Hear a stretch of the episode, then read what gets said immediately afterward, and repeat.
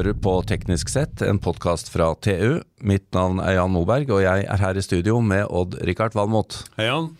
Hei, Odd-Rikard. Vi skal snakke om noe særdeles spennende i dag. Noe Ja, vi vi det. virkelig har behov for. Energilagringssystemer og hva som skal til for å bygge de opp. Mm. Ønsker du deg et stort batteri, eh, Odd-Rikard? Jeg vet du har hatt Ja, lyst til å ha det det, hjemme. det gjør jeg faktisk. Ja, Jeg ønsker meg solceller på taket og et batteri. ja. Og det Men du kunne jo fått det i nabolaget òg, da? Eller kanskje i bydelen? Eller eh, Jeg tror at lokal lagring eh, kommer, Ja. men eh, foreløpig er det veldig dyrt. Vi skal for her er det jo en rivende utvikling, og det går litt under radaren, faktisk. Eh, Så vi har fått med oss eh, partner Lars Lysdal eh, fra Rystad Energy. Velkommen. Hei, ja, takk for det. Dette er vi interessert i, Lars. Du må oppdatere oss på dette med utviklingen innen energilagringssystemer. Mm. Nei, det er en uh, rivende utvikling, og det er egentlig et segment som mange er interessert i, men som litt, uh, det er veldig litt forståelse for i markedet. Men hvor, hvor, hvor- hvor er det gapet er hen? Altså, for, fordi dette er jo litt, ikke den hellige gral, men det er ingrediens i å løse de store utfordringene vi har. Ja, det Gapet ligger i at det er egentlig en såpass liten industri at ingen har en totaloversikt over hele bildet. Fra, eh? Du har de som produserer strømmen, så har du de som overfører strømmen, både på langdistansenettet og, Mm. og, og ned i, i byene. Og så har du de som eh, leverer utstyret til energilagringssystemene, og så er det de som setter utstyret sammen. Og ingen, så vidt vi skjønner, eller veldig få, har en total oversikt over hele eh, systemet og, og hvordan dette henger sammen, da, og hvordan det kan utvikle, seg fremover. Hvis du skal gjøre en litt sånn eh, populistisk eh, sammenligning, er, er, hvor er energilagringssystemene i dag sammenlignet med hvor elbilindustrien var? Er vi på, på Think og Buddy-nivå, eller har vi kommet oss til eh, Leaf Nissan? Godt spørsmål. Jeg har tenkt litt på det selv. Jeg tror vi er Vi har ikke kommet helt til 2012-2013 ennå med Tesla Model S. Nei. Jeg tror vi er på litt sånn Mitsubishi Miev, eh, Ja. kanskje Leaf 2010-2011. Men det, det skjer jo veldig mye i sånne altså, mm, store skip for batterisystemer. Eh, Powerwall, Tesla sin Powerwall er veldig populær i USA. Mm. Og så har du store sånne som Tesla bygde i Australia ikke sant, på 100 mega, megawattimer, var vel den installasjonen der på. Og så skjer det enda større ting i USA nå. Så det er, Ja. det er, det er hele skalaen, fra liksom 10 Absolutt. kilowattimer oppover til eh, gigawattimer.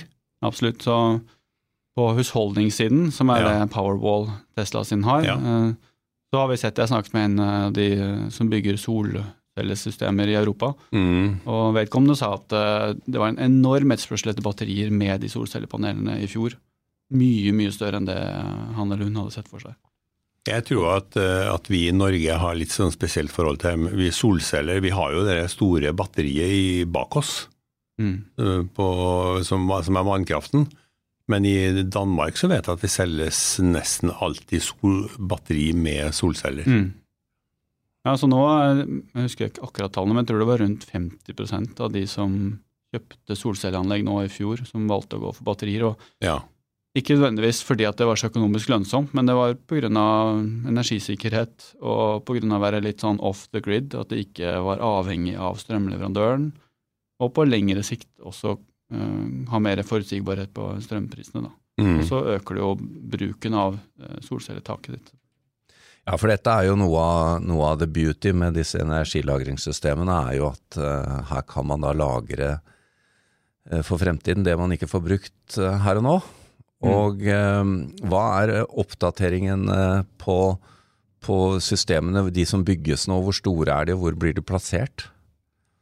De største systemene kommer i USA og Kina. så De største systemene i USA nå er vel på 3,5 gigawatt-timer, som et anlegg som bygges i New York City, øst for New York City, hvor de skal faktisk fjerne to gassturbiner og bytte ut de med batterisystemer i. Akkurat. Skal tilførselen komme fra, lades opp fra vind, eller? Tilførselen lades, nei, den lades opp fra nettet generelt. Ja, Eh, Så istedenfor at det er gass som leverer den midlertidige strømmen, som er Ja. såkalte peaker plants, som de er, så er det fra batterisystemer som er da helt enorme. da.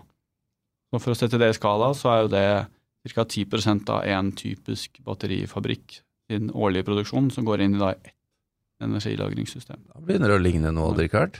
Det begynner, det begynner å bli ganske heft- heftig der, altså. Det gjør det. Det er det største i verden. Men litt sånn i Norge nå, så er det vel det største som er på trappene, er vel 1,2 megawatt-timer, så vidt jeg vet. Som er et Det vi ser i Norge nå, er det hovedsakelig batterier som skal støtte og balansere nettet, pluss at Mm. man ser batterisystemer som skal installeres i kombinasjon med, med sol på tak. da.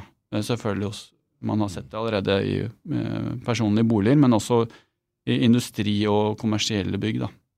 Men det her har jo også veldig mye med prisen på cellenivå å gjøre, da. Og enda er vel den relativt dyr. Cellene er, eh, har falt i, i, ja, siden de begynte å produsere de, egentlig på 90-tallet, men har så vidt begynt å stige nå litt pga. høye materialkostnader. Ja. Eh, Så de ligger vel på rundt 100 dollar per kWt. Spørs litt på hvem du spør og hvordan de regner. Før vi går inn på ingrediensene i cellene, så er jeg nysgjerrig litt på, øh, Lars, dette har dere sett på hva som skal til for å senke prisen på disse energilagringssystemene. For det er jo ikke bare battericellene det er snakk om. Nei, nettopp. Så i ett typisk eh, batterisystem i Norge, som ikke er altfor stort, eh, så ligger den prisen på ca. 500 dollar per kilowattime. Ja, det er jo fem ganger hva et batteri Nettopp. Så et, et battericellen er på omtrent 20% av en total eh, batteripakke, eller eh, unnskyld, en batterilagringssystem. Så de andre kostnadene er jo eh, såkalt EPC, som vi kaller det, Engineering Procurement and Construction, som går på å bygge hele systemet sammen, gjøre alle innkjøpene av alle komponentene, Mm. optimalisere og gjøre ingeniørbiten av det. Det går på selvfølgelig man trenger land, man trenger andre komponenter som inverter eh, og kjøleanlegg og kontrollsystemer. Og, så det blir ganske mange andre komponenter enn bare cellene, som de aller fleste snakker om. Ikke sant? Du må ha tomt, da, Richard. Tenk om du skulle regnet parkeringsplassen inn i elbilprisen. Da hadde bilen kostet litt mer. Jo da, det er klart det, men altså Det øh, å ha noe sånt på loftet eller i kjelleren til folk, det, det er ikke så nøye Men hva øh, vi, vi nevnte det her, eller du var inne på det, at vi er på sånn 2011-2012-nivå versus elbilsatsingen. Det betyr at det som må til nå, er en øh, industrialisering av disse systemene, eller? Ja, så jeg tror For å få ned kostnadene, så er det en, en oppskalering av elindustrien, som du sier. Eh, litt sånn som ble gjort med elbilindustrien, eh, som startet da i 2010-2011, virkelig. Eh, det er en standardisering av, eh, av alle komponentene. Det er en optimalisering av hvilke komponenter man bruker. Mm. Eh, Det er en Og en oppskalering av hele prosessen med å bygge hele systemene. I dag så er det litt sånn bits and pieces. Man setter sammen litt av det man har, og så kjøper man en container, og så, og så er det litt sånn, jeg vil ikke si Donald-duck, men det er ikke, ikke veldig modent og stort system, men der er det nok veldig mye rom for å forbedre det, da.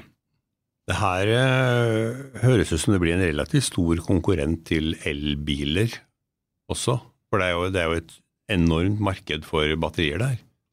Ja, altså sånn vi ser det, så vil eh, elbiler være Og vi er nok de mest eh, aggressive på etterspørselen etter energilagringssystemer på battericellesiden. Ja. Eh, Men det vil ta lang tid før eh, Og vi tror energilagring vil bli mye større enn elbiler på sikt, men det, der snakker vi mange tiår. Men eh, type 2030 eh, så tror vi at energilagringssystemet kan være i størrelsesorden det samme som um, elbilindustrien i, med tanke på battericeller. Da. Men ja, de vil konkurrere om ressursene Ja. sine, men det er ikke så veldig mange andre delte komponenter enn cellene, egentlig. Alle de andre komponentene. Men det vil jo, det vil jo være med på å fyre opp under eh, etterspørselen. Altså etterspørselen etter sol, altså solenergisystemer er jo høy, og vind det samme, men her vil du jo få en komplett pakke som gjør det enda mer attraktivt å investere. Mm. Så det er en utrolig viktig industri å få fart på. da. Absolutt. Så det er en nøkkelindustri, og det kan være andre energilagringssystemer også, eh, som kan være som kan diskutere om også kan ha en sentral rolle. Men det vil være en nøkkel å selvfølgelig ha energilagring når man skal ha enorme mengder sol og vind eh, som kommer inn i systemet. Noen år til ennå antagelig, men det kan bli en konkurrent til norsk vannkraft. Ja, det kan du jo si også. Men det som veldig mange snakker om eh, på sol og vind, er jo ikke sant, eh, storskala kraftanlegg. Men det som ganske få snakker om, er det jeg snakker om som er i Norge nå, som er sant, sol på tak med, med batterier. Hvor du Mm. kan egentlig Du vil iallfall ikke i dag, så er ikke kostnadene der at du kan dekke all strømmen du, du har bruk for i et bygg. Eh, Men dit kan det jo komme en Mm. stund. Og solforholdene i Norge er relativt bra, egentlig. Ikke på vinteren, kanskje, men året i snitt så er det forholdsvis bra, faktisk. Det er Ja, det mer soltimer i Norge Ja. enn i London og Berlin. Trenger, trenger litt annen vinkel på panelene, men Mm. ellers uh, veldig bra. Og det vi ser også nå, er at de begynner å bruke tosidige solpaneler, eh, også på, på tak i Norge. Og de har også sett at eh, det er et selskap i Norge som heter Isola, og de har et underselskap som heter Isola Solar. Ja. Eh, Det er jo takdekkerselskapet ja, Ja, de lager. Så så det, det nye materialet de lager, er sånn veldig eh, sterk refleks i, så de kan eh, få reflektere solstrålene opp til undersiden av panelene i tillegg. Da. Altså det det som faller imellom, da. Ja, å- altså Du har jo solproduksjon av undersiden av panelene også, Ja. men når du legger den refleksen under, så får du de, ment, altså, de første tallene var at det var 40% mer strømforbruk, uh, unnskyld, strømkraftproduksjon da, med denne refleksen. Da begynner det å ligne noe. Ja, sånn uh, aluminiumsfolie på taket. egentlig. Ja, ja, ja. Vi må, Lars, eh, bevege oss over på tema to, for da har vi snakket om disse systemene som jo kommer til å bidra til enda mer etterspørsel etter celler. Eh, Og eh, men, men det er jo eh, metaller og mineraler som skal inn i, inn i disse cellene også. Hvordan er eh, situasjonen på råstoff? Ja, det er egentlig mm, fire-fem mineraler som er interessante. Du, har- du, har, du har en del ma- ma- materialer og metaller, batterier, som ikke er interessante egentlig, som er sånn kobber og plastikk Ja. og, og aluminium, Uh, som brukes i batterier, men som ikke er Der er batteriindustrien så liten at det er på en måte ikke interessant. De som er interessante, er de såkalte aktive materialene, metallene, eh, som er de som gjør eh, energilagringen og overføringen egentlig da, i, inn, elektrokjemisk inn i batteriet. Og de er jo litium, som alle snakker om, som egentlig er en veldig liten andel av batteriet, sånn i vekt. Eh, og så er det, som er i katoden, og så har du andre katodematerialer, er nikkel, mangan, faktisk også aluminium, og kobolt. Varierende grad av de, og så har det også kommet nå i det siste veldig mye jernfosfatbatterier på katodesiden. Også på anodesiden så er det hovedsakelig grafitt og litt eh, silisium. Det er vel en 5 silisium i snitt på anodesiden. Mm. Og alle disse materialene har hver sine mm, eh, La oss kalle det problem på, på, den, eh, på den Enten ved at de har mye kost, kostnader, sånn som på katodesiden, så er vel det omtrent eh, 60-70% av en battericelle er, eh, er katodematerialer. Um, men noen har også, sånn som kobolt, så sliter de jo med at uh, 70% av utvinningen kommer fra Kongo. Ja. Uh, Og der er det mye snakk om barnearbeid, eh, selv om det kanskje er større uh, I media kanskje blåst opp til å være et større problem enn det egentlig er, så vil alle eh, over tid bort fra kobolt. Eh, På nikkel og litium så har vi sett at prisene har gått henholdsvis 300, eh, unnskyld, 400 og 300 opp det siste året. Eh, Så helt enorme priseskaleringer pga. en enorm etterspørsel etter disse materialene og en utvinning og prosessering som ikke klarer å holde følge i tritt med den, den veksten på etterspørselssiden. Men nå har jo industrialiseringen av celleproduksjonen vært den største bidragsyteren til, til fallet i pris. Men nå kan man da gå for en utflating, eller kanskje til og med en liten økning igjen, da, i og med at, metall, altså at metallet blir såpass dyre. Ja, altså sånn som celleprisene har begynt å stige nå. Ja. Eh, Sånn som en største, verdens største celleprodusent, CATL, sier at de setter opp prisen med 25% i år i forhold til i fjor. Oi, det. Det er en eh, ny Fordi utvikling. Etterspørselen er så Ja. høy på cellefronten. Etterspørselen er høyere enn det eh, de klarer å levere samlet. Eh, materialdelen av det er jo man kan si er, er jo en viktig del av det, men det er også andre komponenter som sant, oppskalering av hele industrien, bedre produksjonsprosesser, mer automasjon, vil jo også mm, få prisene ned på sikt. Mm. Så Vi tror at prisene vil fortsette å falle, det vil kanskje stige i år og, og neste år, men så på sikt så vil de komme nedover igjen ettersom hele, hele industrien bygger seg opp. da. Men hvis mineralprisene holder seg høye, da Det er klart, andre ting kan jo gå ned, men er ikke de de som driver mest her? Ja, de, de driver mye, mye, av det, men alle de andre komponentene som Det er vel omtrent uh, 10% tror jeg, som er uh, andelen av battericellen som er uh, produksjonskostnaden. Ja. Og den kan man jo bekjempe nedover ganske brått med oppskalering av industrien, men det er klart at det, um, det, er, det er, vanskeligere med, med dagens materialpriser å få ned totale selgeprisen. Er, er det noen grunn til å tro at den ikke skal videre opp, prisen på nikkel og litium f.eks.? Ja, vi tror at både nikkel og litium skal ned på sikt. Oh, ja. Eh, ettersom dette løser seg litt med at uh, Du har jo hatt covid-19 som har gjort hele verdikjeden vanskeligere. Mm. Så har du også at utvinning og prosesseringsleddene ikke har klart å, å følge, men der er det veldig mye investeringer som har kommet inn de siste par årene, så de anleggene vil jo komme i drift etter hvert. Eh, så vi tror at det vil bidra til at prisene vil falle i hvert fall neste år eller året etter. da. Og Så om vi, vi, er jo i eh, snakkende stund konflikt Russland, men Russland er ikke en så stor leverandør til dette markedet som det jeg i hvert fall kanskje tenkte. Nei, det er riktig. Så på Russland så har de, de er store produsenter av nikkel, men, altså utvinning av nikkel. Mm. Uh, men, som, men, mesteparten av den nikkelen går til stålindustrien. Ja. For det er ikke av den kvaliteten som man kan bruke batterier. Mm. Det er på utvinning. På prosessering av nikkel så har de en større andel. Der har det, der har det vel 10-15% av verdensmarkedet. Så sanksjoner på de mineralene vil jo slå også på prisen på, på, på nikkel, altså prosessert ferdig nikkel, da, for innkjøperne. Nå er det batterifabrikk, celleproduksjon på gang i Norge. Mm. Fabrikker. Mm. Hvordan, eh, hvordan, ser dere fra Rysta Energy på, på de initiativene? Nei, Det er jo selvfølgelig uhyre spennende. Eh, alle tre store initiativene i Norge nå som er på gang, Beyonder, Morrow og, og Freyr. Det er eh, uhyre spennende. De har jo fordel med, med ren strøm, som er vel kanskje det den, som de på en måte fronter mest det vil nok ehm, Altså, det store spørsmålet i hele batteriindustrien er å få tak i folk som kan batterier. Ja. Eh, vi søker ja. også etter folk som kan batterier, og vi sliter med å få tak i folk som kan batterier i Europa generelt. Eh, så det er jo en, en utfordring som man kan støte på i, i Norge. Rett og slett folk og kompetanse.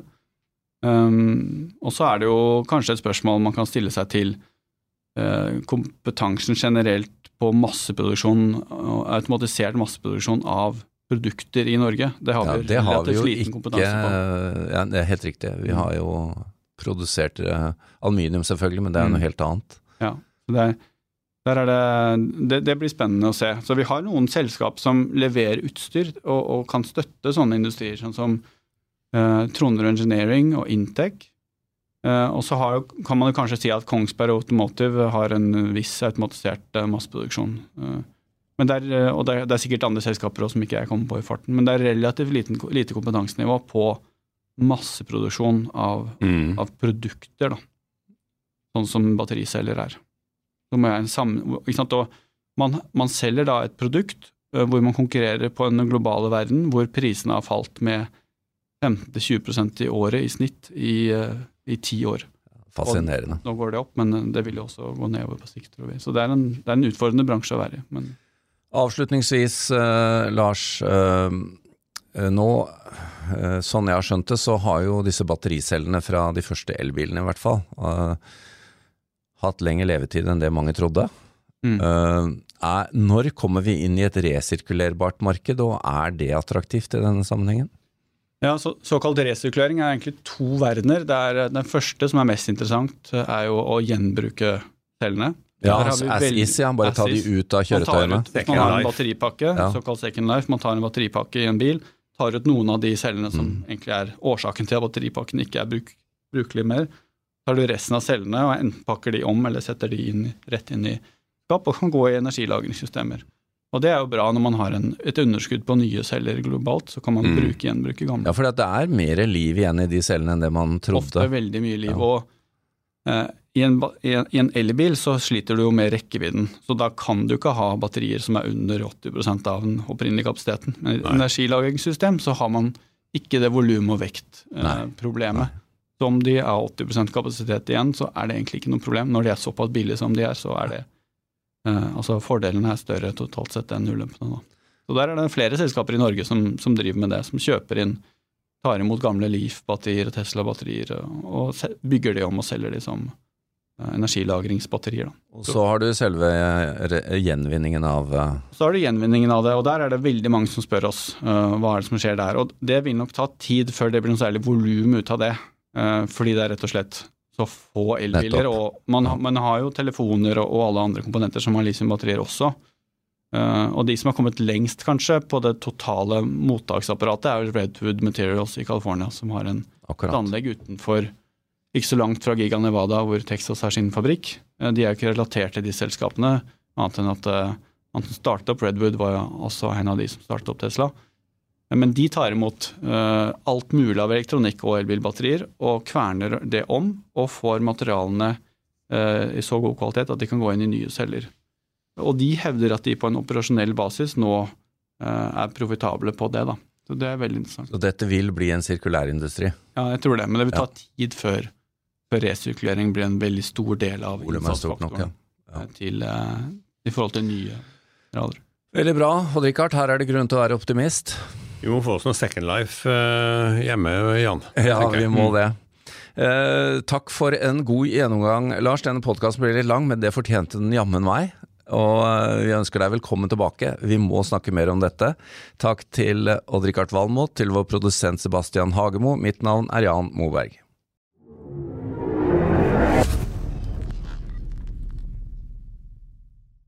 Hallo? Jeg kommer fra Oslo politikammer. Ine Jansen er purk. Er du purk? The motherfucking bitch. Alt jeg vil, er å finne ut hva som skjedde med mannen min. Jon Carew. Er jeg sikta for noe? Iben Akeli. Det er du. Ole So, Lars Berrum og Big Daddy Karsten. Hvem sin side er du på, egentlig? Anette Hoff, Tone Danielsen, Kommer du fra Afrika? Jørnis Josef, Nesten. Kløfta. Trond Espen Seim, Det er synd å si det, men det var feil mann som døde. Purk.